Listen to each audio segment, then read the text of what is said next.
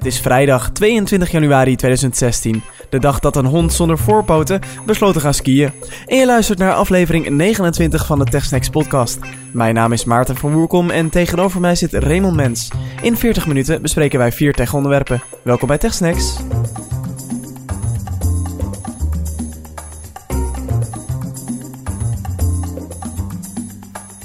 Het moet vast een hilarisch gezicht zijn geweest, die hond, op een uh, zonder voorpoten.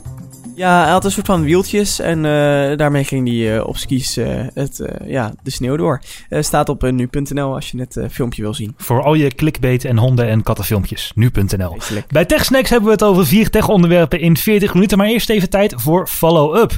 Peter heeft ons een mailtje gestuurd en Peter wil de TechSnacks graag in de auto beluisteren. Nou, dat doen heel veel mensen. Podcasts in de auto luisteren. Dan zou je zeggen, is geen probleem. Smartphone, Bluetooth of gewoon de podcast op je autoradio en het komt helemaal goed. Maar Peter had een autoradio die alleen mp3's van een USB-stick kon afspelen. Ja, daar hadden we rekening mee gehouden dat dat ook nog gebruikt wordt. Um, en Peter vroeg of we geen mp3-download aan konden bieden van de podcast. Nou, natuurlijk kunnen we dat. Dus vanaf nu vind je op iedere aflevering op techsnacks.nl helemaal onderaan de pagina een directe link naar de mp3-downloads die je op een USB-stick kunt zetten. Of als je een Android hebt, gewoon op je geheugenkaartje kunt zetten. Super handig. Um, Jeroen heeft uh, ook gereageerd. En die heeft gereageerd op aflevering 27. En hij reageerde op mijn rant uh, van, de, van de kwaliteit van de iPhone 6. En jouw opmerking dat je altijd de S-versie moest kopen. Ja, sowieso altijd de S doen. Ja, jij met je, je S altijd. Nee, uh, Jeroen is het daar uh, gedeeltelijk mee eens en gedeeltelijk niet mee eens. Want Jeroen die zegt, ik heb nog nooit een S-model iPhone gehad. Hij is ooit begonnen met de iPhone 4 en um, gevolgd door de iPhone 5. En toen heeft hij zijn, zijn eerste, in oktober 2014, heeft hij zijn eerste iPhone 6 gekocht. En in april 2015 kwam hij erachter dat deze iPhone een verschoven frontcamera had. Dat is die een van mijn vier iPhone 6 ook heeft gehad. Maar goed, even naar de Apple Store is voor Jeroen uh, ingewikkeld. Uh, want hij is daar ongeveer vier uur voor onderweg. Dus hij heeft dat telefonisch allemaal geregeld. Dan krijg je dus dat opgestuurd en dan komen ze halen. Super handig. Doen ze wel goed. Maar in augustus 2015 bleek bij Jeroens tweede iPhone 6 het scherm zonder los te zitten. Ik ben dus niet de enige. En, maar goed, dat werd weer netjes afgehandeld door, uh, door Apple. En nu zit hij dus aan zijn derde iPhone 6. En ik inmiddels aan mijn uh, vijfde. Um, en deze bevalt erg goed, zegt Jeroen. terwijl hij dat even afklopt. En dat doe ik bij deze ook maar. Jeroen merkt trouwens nog op dat zijn vader daarentegen nog steeds de eerste iPhone 6 in gebruik heeft. Ja, dat, dat zou natuurlijk eigenlijk gewoon een standaard moeten zijn. Ja, en hij zegt ook dat het wel de eerste iPhone is. Dus hij heeft nooit S-modellen gehad, maar de iPhone 6 is wel de eerste met die kinderziektes waar hij problemen mee heeft. Ja. dat had jij ook. Ja, klopt. Nou, en voor je het weet is het september en hebben we de iPhone 7. Maar wat hebben jullie geleerd? Gewoon wachten op de 7S. Ja, je moet sowieso nieuwe oortjes kopen, dus daar kun je vast voor gaan sparen. Want ja, die, uh, die jack gaat waarschijnlijk weg. Nou ja, ja. Enfin, hebben we het een andere keer over. daar hebben we het al zo vaak over gehad, dan gaan we het niet drie keer over Maar als je nou een iPhone 4S hebt, Raymond, want die 4S die zijn die, hè, dat is een S-versie, dus geweldig. Oh, goed. Sinds 2011 gaat hij mee en hij krijgt nog steeds updates. Ja, ja maar hij is wel rete traag. Ja, en daarom houden veel iPhone 4S-gebruikers hun iPhone het liefst ook op iOS 8 nog, 8.4.1. Maar deze week waren er diverse berichten op diverse blogs, onder andere op Bright.nl, die ik toch wel hoog heb zitten, en iPhone.nl, die ik iets minder hoog heb zitten, dat je naar iOS 9.2.1 moet updaten als je een iPhone 4S hebt. Want het maakt je iPhone 4S zoveel sneller. Hmm. Dus helemaal niks van waar. Wat hadden zij aangehaald als bron? Een video van 10 minuten met een heel kazig, cheesy muziekje eronder. Ik zou hem ook niet afkijken uh, met muziek. En de conclusie van die video was: ja, je moet updaten naar iOS 9.2.1 als je een 4S hebt, want die is veel sneller. En nou, het was dan iemand die had twee iPhone 4S'en naast elkaar en daar apps op geopend en dan gefilmd dat het bij de ene sneller ging dan het andere. Het probleem was echter dat het helemaal niet sneller ging. Althans, het ging in de helft van de gevallen ging het sneller. Hij heeft 27 apps getest en 13 waren snel, maar dat waren vaak apps die je niet heel vaak gebruikt, zoals de App Store of de herinneringen-app of de kaarten-app bijvoorbeeld. Maar apps als YouTube en Instagram waren op iOS 8.1.4 nog veel sneller. Nou, ik heb het filmpje wel afgekeken helemaal en ik heb keurig genoteerd welke app snel was. En als je een iPhone 4S hebt, kun je in de show een link vinden naar het uitgeschreven filmpje. En um, bloggers die een filmpje quoten, wil ik bij deze graag meegeven. Jongens, kijk het gewoon even af en tik niet uh, kwakkeloos de conclusie van het filmpje over. Kom op zeg. Beetje journalistiek mag nog wel op een uh, internetblogje. Raymond, de eerste techsnack van deze week gaat over uh, een soort van maffia-bende die ehm, de App Store op de iPhone heeft ingenomen, toch? Ja, het gaat over de bende die de App Store stiekem wel een beetje aan het worden is. We hebben het er vorig jaar niet over gehad, maar eind 2015 is Phil Schiller, je kent hem wel van deze. Can't innovate anymore, my ass. die is chef App Store geworden. Hij legt een deel van zijn marketingtaken neer en gaat zich zich volledig, of althans gaat zich ook op de App Store storten. En het was wel nodig, want er was veel kritiek van ontwikkelaars over het ontbreken van upgradeprijzen. Ontwikkelaars klaagden dat ze de iPad Pro niet konden targeten. En uh, de Mac App Store was traag en het goedkeuren van apps duurde lang. En er was geen mogelijkheid om beta's in te dienen. Nou, er wordt verwacht dat Phil Schiller uh, daar in ieder geval verbeteringen gaat brengen. Maar afgelopen week had hij toch twee brandjes te blussen waarvan ik denk, oei, oei, oei, Apple, Apple, Apple toch? Nu is Phil Schiller hoofd App Store, dit had toch echt beter gemoeten. Het begon maandag. In de Mac App Store verscheen een app genaamd Enlight Photo. Op 14 januari in de App Store verschenen en 19,99 euro. En het deed iets met fotofilters. Heeft toch, je hebt toch die mooie app uh, op iOS die ook uh, Enlight heet? En die is ook als uh, beste van 2015 toch of zo eruit gekomen? Ja, dat stond ook in, in de omschrijving. Dus die van hebben die nu app. een Mac-versie. Nou, dat zou je dus denken, hè? want in de omschrijving van die Mac-app stond inderdaad van het is gekozen tot het beste van 2015. En we zijn heel trots op en geen bullshit filters, maar echt goede filters. Maar toen ging ik eens kijken. De ontwikkelaar van de Mac-app is Hui Chong. Wee. En de, en de ontwikkelaar van de iOS-app is Lightstrike. Dus er is echt een bende die een bende maakt van de App Store? Nou, het bleek dus inderdaad een soort van ja, namaak-app te zijn... waarvan de beschrijving vol valse claims stond. Ze hadden hem dan niet Enlight genoemd, maar Enlight Photo. En dan hadden dus inderdaad uh, reviews aangehaald van de iOS-app Enlight. En ik heb het in een tweet nagevraagd bij de ontwikkelaars van die mooie iOS-app Enlight. En uh, die hebben bevestigd, nee, we hebben er niks mee te maken. We hebben het al bij Apple aangekaart. Maar uh, het is nog niet verwijderd. Nou, ik voordat we gingen opnemen nog even checken. Nog steeds in de App Store. Die uh, fake app dan. Ah, oké. Okay. Dus we kunnen hem nog steeds downloaden als we 20 euro weg willen gooien. Mocht je 20 euro hebben, ik denk, ja, wat moet ik ermee? Nou ja, ik kan dan nog een foute app kopen van uh, Pyongyang. Of zo. Die dus niet beslist niets te maken heeft met de hele goede Enlight app op iOS. Oh, dat was de Mac App Store. En je had het ook over de iOS App Store. Ja, dit was al zo'n dingetje van ik denk, oeh, nou ja, weet je, kan gebeuren. Een appje wat er doorheen slipt. Nou, iOS App Store. Woensdag. Ik open het tabje games en ik denk dus kijken of er leuke race games zijn.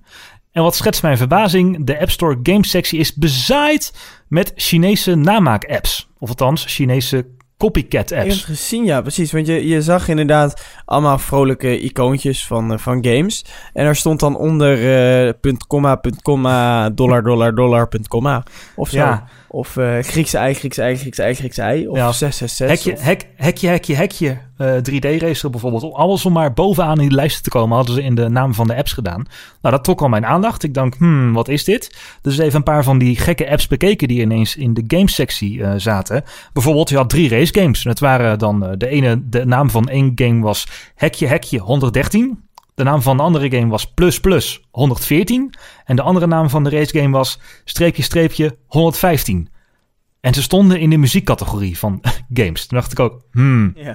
niet heel geloofwaardig. Nou, eens een paar van die games bekeken.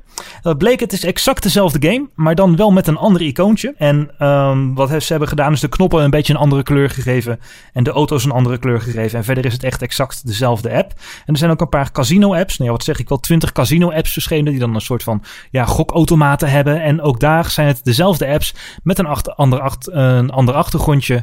En precies dezelfde eh, game verder. En gelukkig doen de apps niks kwaad. Het is, het is geen spyware of zo. Ze zitten alleen vol met advertenties. Maar waar mij dat op brengt. Als er iemand is bij Apple die, zoals ze zeggen, alle apps handmatig Ja, controleert. dat is dus niet zo. Waarom komt er dan een app die de naam Hekje Hekje Hekje, Aaron Ashfeld Racer 3D, Hekje Hekje Hekje, bovenaan onderuit gelicht in de gamesectie bij Race Games? Het is natuurlijk niet te doen om wereldwijd die App Store te laten controleren door eh, mensen. Dat elke app gezien wordt, dat is godsvermogen. Ja, dat vraag ik me dus af. Of er inderdaad niemand meer controleert. Of ah, misschien een algoritme automatisch controleert. Want het duurt wel gewoon vaak een week als je een update of een app indient voordat die live is. Maar het, het lijkt mij dat het toch op moet vallen als een ontwikkelaar ineens allemaal apps die met hekje, hekje, hekje of AAA Eh, presenteren. Weet je hoeveel apps er, weet je hoeveel apps er gelanceerd worden per dag in die, in die App Store? Dat dat, dat dat er doorheen glipt binnen dat, binnen dat automatiseringsproces. Ja, het verbaast mij niet zo. Wat me, wat me eerder verbaast is dat dit dus allemaal uitgelicht komt te staan in de App Store. Want het stond allemaal op de uitgelicht pagina. Ja, dat stond bij games dan wel. Bijvoorbeeld had je de categorie sport. En daar heb je dan een uitgelicht pagina of een nieuw pagina. Daar stonden al die games, stonden keurig. Met, ze hebben allemaal super mooie icoontjes. Maar ja, dus weer met die namen hekje, hekje, hekje. Action Racer, hekje, hekje. Airborne, Legend, Racer.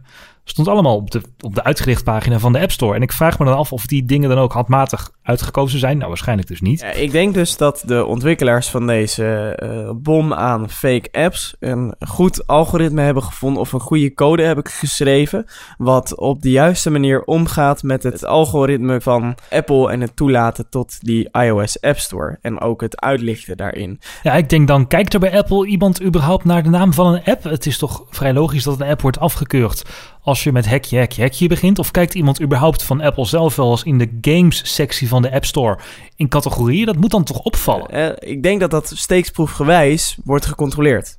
Ik denk niet dat ze elke app checken, wat ik net al zei.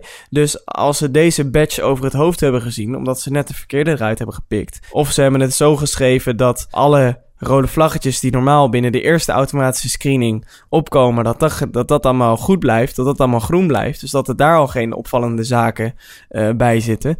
Uh, dan is de kans al veel kleiner dat je echt gezien wordt door een medewerker van Apple, denk ik. Ja, ik vind het toch opmerkelijk dat het in deze getalen er de doorkomt. Want ik heb ook gekeken welke ontwikkelaars er dan achter zitten. Nou, er is een Mrs. Weewoo Tarawan. en die heeft, die heeft echt haar hele developer-account. Als je haar developer-account bekijkt, bestaat dus echt alleen maar uit apps die beginnen met of AAA of hekje, hekje.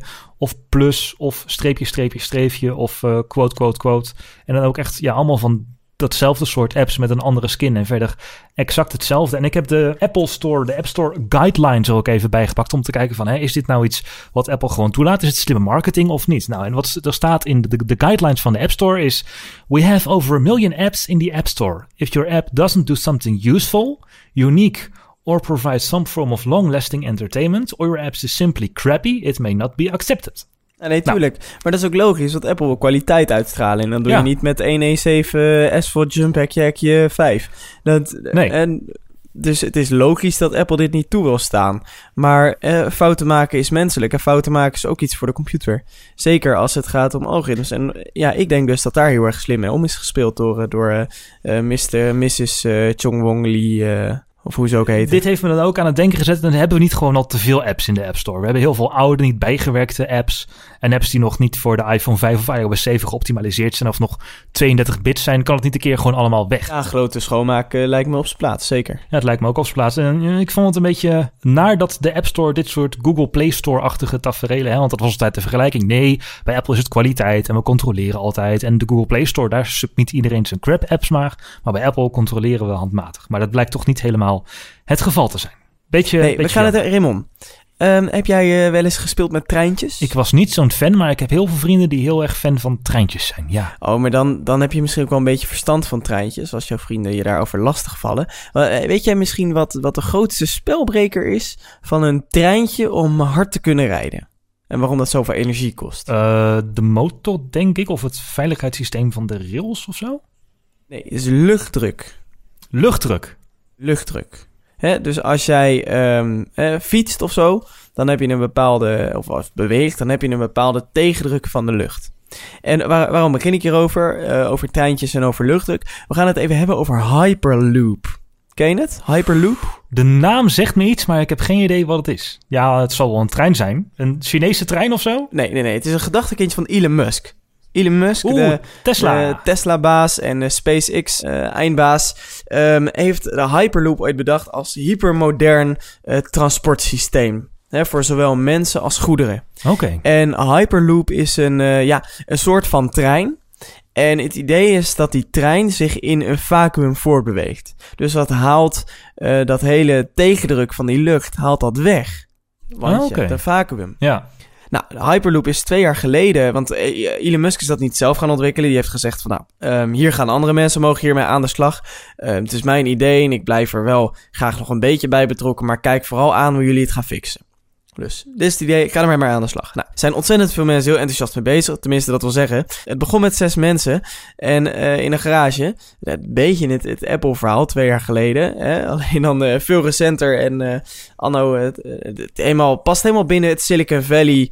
Uh, de Silicon Valley utopie. Mm -hmm. Maar zijn ze dus begonnen met z'n zessen. En nu is het uh, al een vrij groot bedrijf. Nou ja, laat ik het uh, de CEO zelf maar even laten toelichten. What's really exciting for all of us at Hyperloop Technologies is just one year ago, today, we were operating out of a garage with six employees. And one year later, we have 88 people. Uh, we've raised $37 million of capital on our way uh, to closing our $80 million B round. Uh, we're sitting here right now, 45 minutes away uh, from our first important test that we'll be completing this year as we move very quickly towards what we call our Kitty Hawk moment, the moment that we demonstrate the full system, Hyperloop operating over a three kilometer track, achieving those plus 700 mile an hour speeds that you just referred to, uh, and demonstrating the innovations that this company has brought. We'll have 300 people by the end of this year, and not only is Hyperloop a fast technology, Hyperloop Tech is a really fast company. Ja, dus nu hebben ze al een berg aan medewerkers. En hij had het al over de uh, wedstrijd die ze hebben uitgeschreven. Want die Hyperloop is dus volop in ontwikkeling. Uh, ze zijn al wel vrij ver. Want ja, hij had een geweldige marketing slogan. Dat hadden ze gezegd, denk ik, bij de brainstorm. Joh, hè, bureau marketing had dit bedacht. Als je dat nou even zegt. Want ze zijn dus ook uh, een heel snel bedrijf. Alles is snel aan dat ding dus. Alles is snel aan dat ding. Uh, maar dat ding moet nog wel even ontworpen worden. En daarvoor hadden ze een website, of een website hebben ze ook, maar een wedstrijd uitgeschreven. En het zou misschien kunnen dat die Hyperloop-capsule, want daar gaat het om, en die techniek die erbij hoort, uit Nederland gaat komen. Oeh. Want het team van de TU Delft, die uh, doet eraan mee. En die heeft vanavond, op 22 januari, hebben ze hun concept um, gepresenteerd. En dat mogen ze ook in uh, Amerika gaan presenteren. Want zij zijn door naar de volgende ronde. Even, even terug, wat staat er nu al? Ze hebben een testtrack in Las Vegas. Dat is 50 hectare groot. En daar hebben ze een hyperloop van een kilometer. En er kunnen snelheden ingehaald worden nu tot 400 of tot 540 kilometer. Nou, dat klinkt al veel, maar laten we het even vergelijken met de treintjes uh, die nu al heel erg snel gaan. Nou, we hebben natuurlijk onze Nederlandse trots, de, de Vira. Intercity Brussel. nee, de Vira bestaat niet meer. De Intercity Brussel, die gaat 160 km per uur. Grandioos, grandioos. De Vira gaat ook nul, toch? Nu nul, maar hij ja. zal ooit 150 gaan. Maar goed, dat verhaal, dat uh, zullen we het er maar niet meer over hebben. Dat is heel pijnlijk. nee, nee we, gaan het, we gaan het even hebben over nog veel snellere treinen. Want dat zijn treinen die um, maken gebruik van magnetisch zweven. Uh, dus dat zijn, hè, dat zijn die, die treinen die op ja, een soort van magneetkracht voortbewegen. En die kunnen daardoor enorme snelheden um, bereiken. De, de snelste trein is de GR Maglev MLX01. En hoe hard kan die, denk jij? 320. 581 km per uur kan dat ding. En um, dat, daar zitten dan wel geen mensen in. Want dat was nog niet helemaal in gebruik. Oh, oké. Okay. Uh, maar dat is dus nog getest. Um, Japan is overigens bezig om hun sporen daarvoor aan te passen. Maar 581 per uur kan nu al gehaald worden. Het grote verschil, en dan zou je denken, nou, vet hip, maar waarom zijn we dan nog met Hyperloop bezig? Het grote verschil is dat het ja. enorm veel stroom kost. Dus het gaat enorm snel, maar het kost ook enorm veel stroom. Want het grote verschil is dat die 581 km per uur moet wel tegen een enorme wand van lucht aan. Enorme druk die daarop komt ah. te staan. En dat heb je in die vacuümbuis van het Hyperloop dus niet. Maar de Hyperloop wordt dus ook dus niet alleen voor uh, pakketjes, maar ook echt voor mensen. Ja, dat is dus het idee inderdaad. Het kan dus uh, allebei. En overigens, om even te kijken van wanneer kunnen we nou eens zo'n Hyperloop stappen. 2021 en met een beetje geluk in 2020 is uh, de eerste Hyperloop een feit. En dan kunnen de eerste mensen in de Hyperloop stappen. Dus dan ga je in een soort tunnel, een vacuümtunnel. In een capsule waar natuurlijk lucht in zit. En uh, ja, dat wordt een soort vliegtuig, maar dan door een, door een capsule. Hè? Uh, nou, even terug naar het, wat, wat, wat de TU Delft daar dan in, uh, in doet. Die hebben een mooie website, delfthyperloop.nl. Zullen we even in de show notes meenemen. En hun, hun slogan, hun idee van hun Hyperloop, zoals zij dat ontworpen hebben, is dat je van Amsterdam naar Parijs in 30 minuten kan. Wauw. Hm. dus dan kun je daar even heen voor de lunch. En dan ga je ook weer terug. En nou ja, wat ze dus precies hebben gepresenteerd, hebben we nog niet kunnen zien. Maar dat zal uh, uh, snel uh, op internet verschijnen. En ze gaan dat dus ook in Amerika laten zien. En ze zijn dus één van de kanshebbers. Ja, ze zijn dus één van de kanshebbers. Het idee is dus dat die Hyperloop snelheden kan halen tot 1200 km per uur. En de mensen van de TU Delft die gaan de binnenkant doen, niet de buitenkant. Want de buitenkant staat al vast dat die Ja, dat, dat volgens mij, als ik het goed begreep, wel. Nee, die zijn echt bezig in, maar wel met de techniek ook. Want um, uh, dat is ook wat, wat uh, een van de ja, studenten die aan dat pro project werkt bij de TU Delft vertelt aan de NOS. Is dat de, de concurrenten dus die eigenlijk bezig zijn met de techniek hoe die capsule nou door die buis beweegt, hè, die, die willen hem laten zweven over kussens. Die willen hem over een soort van luchtkussens laten bewegen. En zij hebben een idee bedacht met magneten. Ja. Dus en, en dan komen we toch weer een beetje bij die magneettrein, maar dan anders. Want zij zeggen van, ehm, hè, door die magneten, hè, door hem te laten zweven met magneten, eh, gebruiken we die techniek. Alleen kost het hier veel minder stroom omdat je die weerstand niet hebt. En dan heb je eigenlijk alleen maar een motor op de stations nodig om hem af te schieten. Maar met het afremmen kun je dan weer stroom opwekken. Oh, Oké. Dus je knalt wat power om dat ding af te schieten. Dat vliegt over die magneten voep, naar het volgende station. Dus dan, eh, nou ja, dan hoor je de, de, de Franse chanson zo en dan denk je, ja, Parijs in een half uur. En dan eh, stap je uit en eh, nadat hij is geremd en bij dat remmen, daar komt zoveel energie wat weer weggehaald moet worden. Dat kan ook weer omgezet worden in, eh, in stroom. Dus ehm, een heel energiezuinig idee. En dat is natuurlijk helemaal de gedachte van, van Elon Musk. Ja, het is wel echt weer zo'n Elon Musk project. Hè? Hij wil raketten recyclen, maar ook ehm, vervoer vernieuwen. Niet alleen op de weg met de Tesla's, maar ook gewoon met een supersnelle magneetcapsule die dan de Hyperloop is. Ja. Maar goed, er moet wel zo'n Hyperloop track liggen. Hè, dus je moet wel zo'n Hyperloop buis hebben. Dus dit zal vooral ehm, eh, een goedkoop en efficiënt alternatief zijn van bijvoorbeeld de auto, vrachtwagen of vliegtuig. Ehm, als het tussen de 100 en de 1000 kilometer zit. Zo zeggen ze ook bij de TU Delft. Ja, oké. Van Rotterdam naar Amsterdam met de Hyperloop is het geen eh, efficiënt. eh dan ben je al, voordat je afgeschoten nee. bent, moet je alweer remmen. Precies. Ja, nee, dat is, eh, dat is geen eh, hele efficiënte manier van reizen dan. Ja, laten we hopen dat Europa een beetje meewerkend is en een beetje soepel is als het zover zou komen. Ja, precies, want dat is nog wel een dingetje. Hè. Dit moet ook allemaal nog goedgekeurd worden. En er moeten ook nog allemaal keurmerken, veiligheidseisen, et cetera, et cetera. Dus voordat dat echt geïmplementeerd is. Maar goed, in Amerika willen ze dus in 201, het 200, 2021 eh, de eerste Hyperloop openen.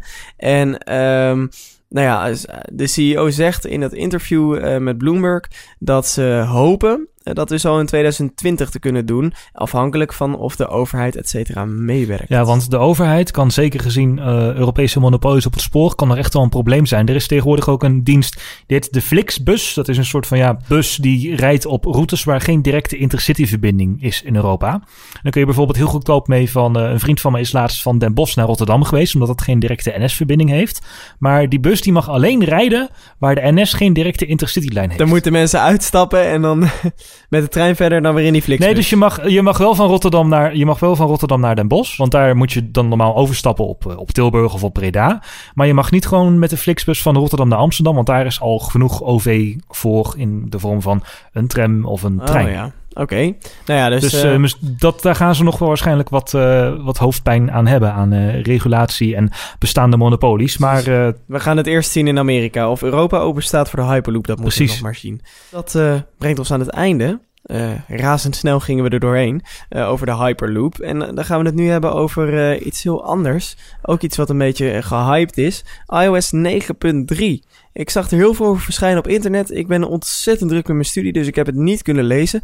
Raymond, wat is er aan de hand in het Apple-universum? En wat is er aan de hand met de volgende update van iOS? Nou, de volgende update van iOS 3 voeg- of iOS 9 voegt niet alleen wat kleine functies toe of wat nieuwe emoji zoals de vorige deed, maar iOS 9.3 krijgt Night Shift. En dat is een functie die eh, blauwtinten in de avond uit je scherm haalt. Dat is prettiger voor je ogen. Echt? Ja, Eindelijk. Want ik gebruik op mijn Mac dus altijd Flux.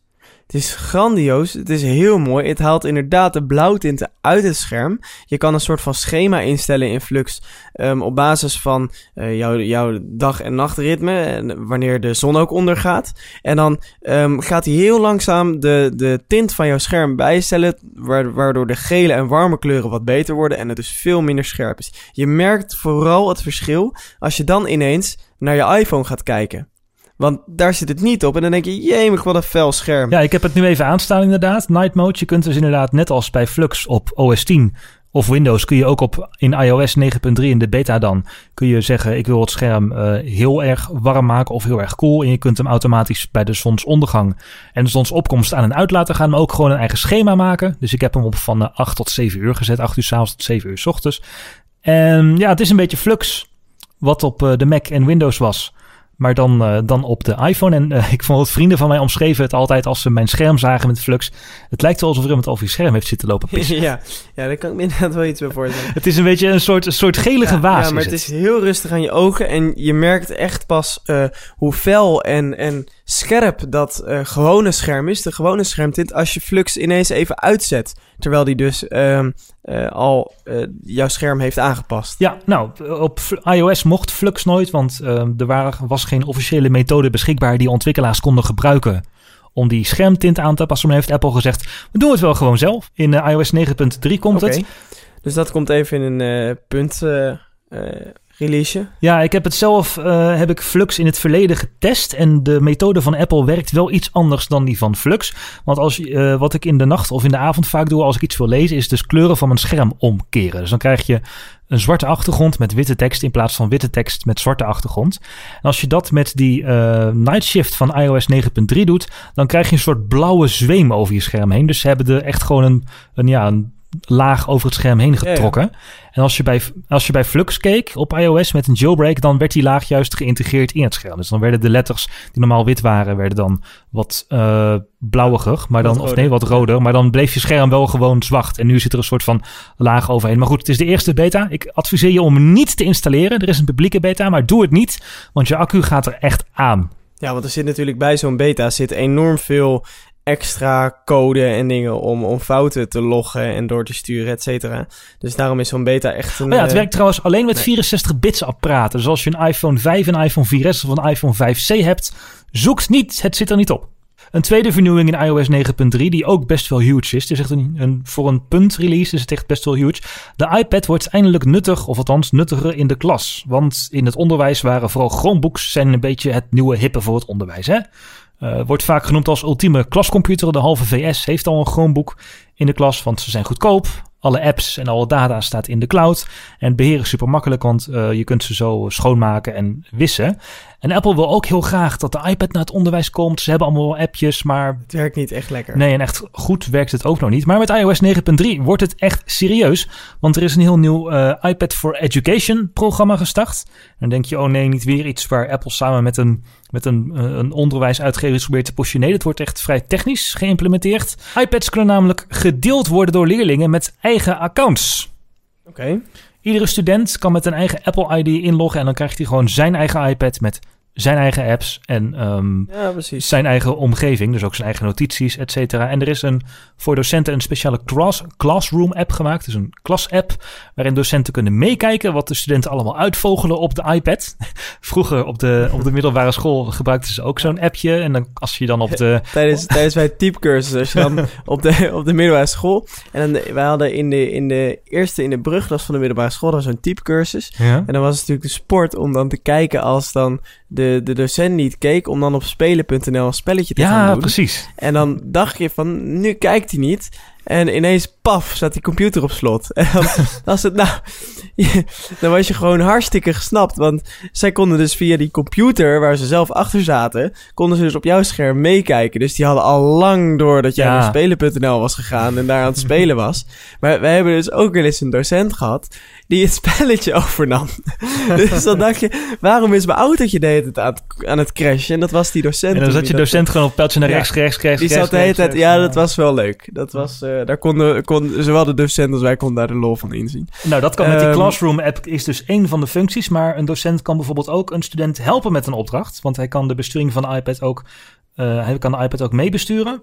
En meteen ehm, het scherm van de iPad naar AirPlay zetten. Op een groot scherm in de klas bijvoorbeeld. Als iemand niet uit een opdracht komt en de docent wil centraal, kan hij dus helemaal beheren welke mooi. iPad op eh, AirPlay komt. En er is ook een school manager. Dat eh, betekent dat scholen centraal apps kunnen kopen en die naar verschillende klassen kunnen uitrollen. En er kunnen ook Apple ID's in bulk gemaakt worden. Dus je kunt gewoon een Excel-file bij Apple erin stoppen en iedere leerling krijgt zijn eigen Apple ID. Dus het lijkt erop dat iOS 9.3 ook echt serieus wordt voor onderwijs. En dan is de vraag natuurlijk, blijft dit voor het onderwijs of worden gezinnen straks ook ondersteund met eh, verschillende Apple ID's die op één iPad kunnen inloggen? Want dat is iets wat we ook al lang willen. Ja, dat zou inderdaad heel mooi, eh, mooi zijn. Als je inderdaad, de, maar vooral dat inloggen, hè, dat iedereen op zijn eigen Apple ID kan inloggen op de iPad en dan zijn eigen apps, et cetera. Ja, ik vraag me wel af hoe ze dat Want technisch gaan doen. Ja, ik, precies. Want eh, ik ken het natuurlijk van, van de hogeschool waar je gewoon op de PC's kan inloggen. En dan eh, krijg je inderdaad je eigen, je eigen omgeving, maar een soort van cloud desktop idee. Hoe ze dat op een iPad gaan weergeven, dat begrijp ik ook nog niet helemaal. Ja, want bij een eh, Windows-omgeving wordt die desktop wordt allemaal centraal op een server opgeslagen. Nou, de meeste mensen hebben thuis geen server staan, over het algemeen. Ja, exact. Um, dus iCloud moet de server worden. Maar ja, als jij een 16 Nee. gigabyte iPad en vier gezinsleden hebt die allemaal eigen foto's hebben en eigen apps, volgens mij wordt het dan al wel vrij snel krap. Dus dan zal er al een soort van. Ja, en hoe ga je dat inladen op die iPad? ja, dan zou er al per gebruiker een soort van eh, ja, ruimte in iCloud moeten zijn waar je foto's, notities, maar ook je apps staan. Ja, of je krijgt echt gebruikersaccounts offline op die iPad. Maar ja, dat lijkt me dan weer niet de techniek die haalbaar is voor zo'n classroom. Dus nou ja, best wel interessant om die techniek eens in de gaten te houden. Ja, ik, ik ben geen school, maar ik wil zeker eens induiken hoe Apple dat nou inderdaad aan het doen is. Met eh, hè, hoe ze dat nou ook op een 16 gigabyte iPad, want de meeste scholen hebben gewoon 16 gigabyte iPads. Hoe ze dat nou zonder centrale ja, profielserver aan het, eh, aan het regelen zijn. Misschien hebben we wel luisteraars die, daar, eh, die daarbij betrokken zijn. Die, Ja, als er, benieuwd- als er IT-mensen van een school zijn, van een voortgezet onderwijs of van een basisschool die hier wel, wel iets in zien of juist niet. Of waarom denk je toch maar dat je het bij Windows of Chromebooks houdt. Wij zijn benieuwd. Of dit nou echt de doorbraak van iOS en de iPad in het onderwijs gaat worden. Ja, inderdaad. hey, eh, Raymond, ik liep vanmiddag door de Mediamarkt. Daar liep ik tegen een tafel aan waar ineens allemaal drones Oh. stonden. Die heb ik nog nooit gezien in de Mediamarkt. Nee, nou ja, dat was ook mijn, eh, mijn gedachte. Ik denk, oh, de drone is dus wel stiekem onze ehm, eh, maatschappij een beetje binnengeslopen. Hè, waar het tot, tot, tot ja, een jaar, twee jaar geleden nog iets was waar een aantal geeks mee, eh, mee aan het spelen was, zijn er nu gewoon 53 drones in het assortiment te vinden van de Mediamarkt. 53. 53. En dan moeten we Zo. wel even onderscheid maken. Want je hebt zeg maar speelgoeddrones. Je hebt de semi-speelgoeddrones of de semi-professionele drones. En je hebt de Ja. echte professionele drones. En daar gaat ook zeg maar met, met, die, met die verdeling gaat ook het prijskaartje eh, omhoog. Ja. Maar een interessante gegeven is dat we die drones dus heel veel meer zien. Ook drones die kunnen vliegen. Dan, toen moest ik ineens denken van ja, maar mag je nou eigenlijk overal wel vliegen met zo'n drone? ja, want als je gewoon bij de Mediamarkt kunt kopen en eh, vijf minuten later kun je hem in de lucht gooien en zeggen ja, Ja, we gaan lekker aan de slag, dan, eh, nou, dan weet ik al wat er gaat gebeuren. Ja, dus ik dacht, ik duik heel even in die, in die drone-wetgeving. En waar kwam ik nou achter? Het, het valt onder de regeling modelvliegen. Hmm. Ik zal eens even die wetten erbij pakken, want, want dat had ik gelezen. En toen dacht ik, Maarten opent zijn ja, eh, het wetboek, daar komt het door wet en regelgeving. Dat is allemaal heel mooi geregeld door de overheid. Nou, ik zal jullie besparen in welk artikel, et cetera, het is. Maar ehm, laten we, het, het is een model luchtvaartuig volgens de wet. Dat is namelijk een luchtvaartuig. En dat is niet in staat om een mens te dragen en uitsluitend gebruikt voor luchtvaart, vertoning, recreatie of sport. Dat je het even weet. Ehm, ja, dus dat is een drone. Klopt, ja. Hè, m- nou ja, laten we beginnen met dat modelluchtvaartuigen verlenen voorrang aan vliegtuigen, helikopters, zweeftoestellen, vrije ballonnen en luchtschepen. Dus je moet vooral opletten. Maar ja, wat eigenlijk veel interessanter is, de, zijn deze punten die in artikel 2 daarvan staan genoemd. Namelijk dat de vlucht slechts uitgevoerd wordt onder omstandigheden en op locaties waarbij er vanaf de grond tijdens de gehele vlucht goed zicht is op de drone. Ik eh, ga dat modelluchtvaartuig even vervangen voor drone. En het luchtruim daaromheen. Dus je moet het altijd kunnen blijven zien. Dat staat er ook, want dat ben je... Nee, je bent wettelijk verplicht om tijdens de gehele vlucht goed zicht te hebben op de drone. Nou ja, een hoogtemeter hoef je niet te gebruiken, maar ehm, de vlucht moet altijd plaatsvinden in de daglichtperiode. Nou, dat is gepubliceerd in de luchtvaartgids. Dus mocht je nou denken, daglicht, wanneer is dat? Staat daarin hoor. Ehm, eh, maar nog veel interessanter is puntje E, namelijk dat de vlucht niet wordt uitgevoerd boven gebieden met aaneengesloten bebouwing of kunstwerken, industriegebieden of havengebieden. En ehm, dan wel eh, boven mensenmenigte. Of boven spoorlijnen. Of eh, voor motorrijtuigen toegankelijke verharde openbare wegen. Blijft er nog iets over? Volgens mij mag je dan in 90% van Nederland helemaal niet met die drone vliegen. Volgens mij als je in Noord-Groningen bij Warfum naar links gaat... heb je een, eh, een, een eh, groot veld. Nou, als je de boer vraagt of je daar mag vliegen, kan het wel. Ja, of in de Beachbos of de Veluwe of zo. Daar zou het dan wel kunnen. Maar de meeste drone-opnamen die je ziet zijn gewoon hartstikke in de stad. Dus dat zijn allemaal boefjes. Ja, nee, vluchten zijn ook... oh, en er zijn nog meer restricties hoor. Want vluchten zijn maar toegestaan tot maximaal 120 meter. En nou ja, je mag wel 105 of 450 meter hoog. Maar dan moet je wel binnen een aerodrome traffic zone... Van, eh, dat je even weet, van de militaire luchthaven, waarop modelvliegen is toegestaan en eh, het exclusief voor modelvliegen wordt gebruikt. Dus mocht je nou echt heel hoog willen met je drone, dan kun je daar terecht. Maar dat is natuurlijk niet wat al die mensen doen. Naar de vliegclub. Precies, bij de vliegclub. Dat is nou niet wat al die mensen Ja. doen die zo'n drone op de kop tikken bij de mediamarkt. Want, nou ja, van zo, vanaf zo'n 600 euro heb je al een goede semi-professionele drone. Zo'n DJI Phantom. Ja, dat zijn een beetje de professionele, of althans de semi-professionele drones. En Parrot maakt vooral, heb ik het idee, speelgoeddrones voor kinderen en uh, hobbyisten. Maar goed, dus de meeste filmpjes op internet en zo, die zijn dus eigenlijk gewoon uh, voortgekomen uit een allemaal illegaal. Allemaal illegaal. Maar staat er bij de Mediamarkt dan ook geen bocht bij die drones van, hè, dit zijn drones, maar je moet wel deze basisregels kennen? Worden ze gewoon zo in een schap gezet en klaar? Ik heb het, ik heb het niet... Um niet, niet kunnen vinden. Dus het staat daar gewoon op het tafel. Nee, ik zit ook even op het site van Mediamarkt te kijken, maar er staat ook helemaal niets. Maar ook bij andere droneverkopers, ik zat even wat prijzen te vergelijken, staat ook niets vermeld over wettelijke regels. Nee, maar goed, en naar mijn gevoel worden er dus steeds meer. En om dat nou te onderbouwen, hebben we even wat, wat cijfers erbij gezocht van uh, eh, ABI Research. Die verwacht dat er in 2025 ruim 90 miljoen drones per jaar worden verkocht. 90 miljoen. Wow. Allemaal boven de Veluwe. En dat is, dat is goed voor een omzet van 4,6 miljoen dollar. En vorig jaar was het professioneel gebruik van drones was 70%. Maar in 2017 uh, zal dat al anders zijn volgens ABI Research. Want dan is het al 50-50. Dat is trouwens ook wel interessant, hè, dat professionele um, gebruik. Want als we nog even terugvallen op de wetgeving. Um, je mag uh, niet tegen betaling of voor zakelijke doeleinden met die dingen vliegen. Ik ken een paar mensen die verdienen hun geld daarmee. Ja, dat mag dus niet. mag niet, Koen. Ze weten toch niet of het met een C of een K is. Maar nee, dat mag dus niet. Dat is, dat is verboden, want dan val je onder een hele andere wet. Dan moet je een diploma. Maar dat gaat, dan, gaat het dan om openbare ruimte of gaat het ook echt om privéruimte? Dus als ik op mijn eigen scheepswerf, ik noem maar wat, heel toevallig, met een drone opnames wil maken, dan valt het waarschijnlijk niet onder de wet, omdat het privéterrein is, denk ik dan. Maar mag je de wet overtreden op privéterrein, is de vraag. Je mag ook niet. Nee, het is afhankelijk of je, of je bijvoorbeeld in de buurt van een, uh, oh, ja. in een no-fly zone zit. Oh ja, dat is ook nog. En de bebouwing. En ja, ja, ja, ja, ja. Ja, en bebouwing. En want die, die gelden natuurlijk gewoon. Kijk, als jij een, een uh, privé tuintje hebt, maar je gaat omhoog, dan zit je nog steeds boven bebouwing. Dus dan mag het nog steeds niet. Ja, en je mag ook niet iemand verkrachten in je privé tuintje. Dus hetzelfde, dat is ook wetgeving die daarvoor... Nee, precies. Ja. ja, om even een actueel thema aan te Wonderlijke, wonderlijke vergelijking. Wonderlijke vergelijking. Maar ik heb ook nog even naar, uh, naar dronegebruik zitten kijken. En natuurlijk kennen we allemaal het verhaal van Amazon, wat met bezorgd drones wil gaan werken. Maar ook in Europa is daar al, uh, wordt er al behoorlijk wat mee geëxperimenteerd door ons eigen DHL. Dat wilde deze week gaan testen met een bezorgd drone, de DHL Parcelcopter 3.0. Wat ziek idee. Maar dat liep een beetje slecht af.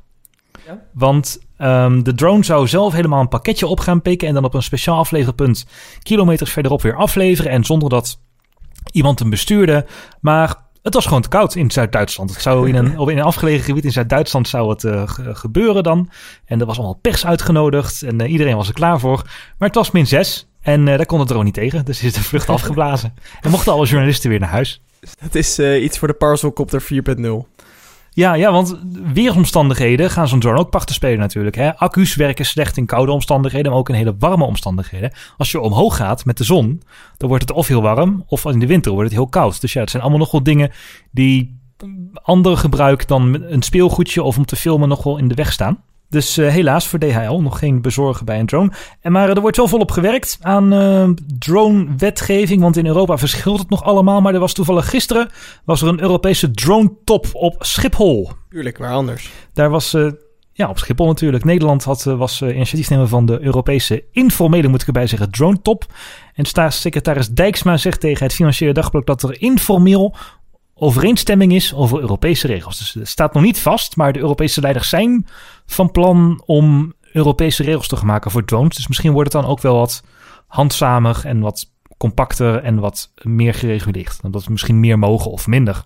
En misschien is de accutechniek dan ook een beetje vooruit gegaan, want ik heb nu zelf met een Paris drone een keer gespeeld, maar die was eigenlijk binnen 7 minuten spelen en een beetje manoeuvres uithalen, was die eigenlijk al wel leeg. Dus zowel de wetgeving als de accu's, hoe lang ze het uithouden, mogen nog wel wat uh, in de toekomst wat beter worden. Nou, als die er zijn, dan uh, gaan we er zeker op terugkomen. Wij vliegen naar het eind van de aflevering. Ja, we zijn er al bijna doorheen. Gewoon in een soort van hyperloop zijn wij door deze 40 minuten heen gegaan. En um, dan wordt het nu tijd om af te kondigen. Dan rest ons nog maar één ding. Nou, of een paar. bedanken van Ja, een paar wel hoor. Want we beginnen altijd met het bedanken van onze sponsor. ehm, die ons eh, de bandbreedte sponsort en onze mooie website. Dots uit Eindhoven, www.nodots.nl. Ehm, ook bedanken we Band Sound voor de intro muziek en de outro. Ehm, je kan ons volgen op eh, Twitter, Facebook. Dus techsnacks.nl en facebook.com slash techsnacks. Abonneer je ook in iTunes en laat er een recensie achter. Dat vinden we heel tof. Check de website en dan vind je een linkje naar iTunes. Of tik gewoon even Techsnacks podcast in. Ja, en als je in Google TechSnacks podcast intypt, dan kom je naast onze Twitterpagina en Facebookpagina ook een pagina op niets minder dan Wikipedia tegen over de TechSnacks podcast. Die heeft een, een enthousiaste fan aangemaakt, maar hij wordt waarschijnlijk verwijderd. Nou ja, hoe dat zit, eh, zien we volgende week wel. Volgende week zijn we er weer. En ehm, dan wensen we voor nu nog een eh, hele fijne avond. Of middag of ochtend, wanneer je het luistert. dat is het mooie aan een podcast, hè? Het is asynchroon. Fijne avond, ochtend, middag, nacht, nachtdienst, autorit, rit in je drone in de Hyperloop. Tot volgende week. Tot volgende week.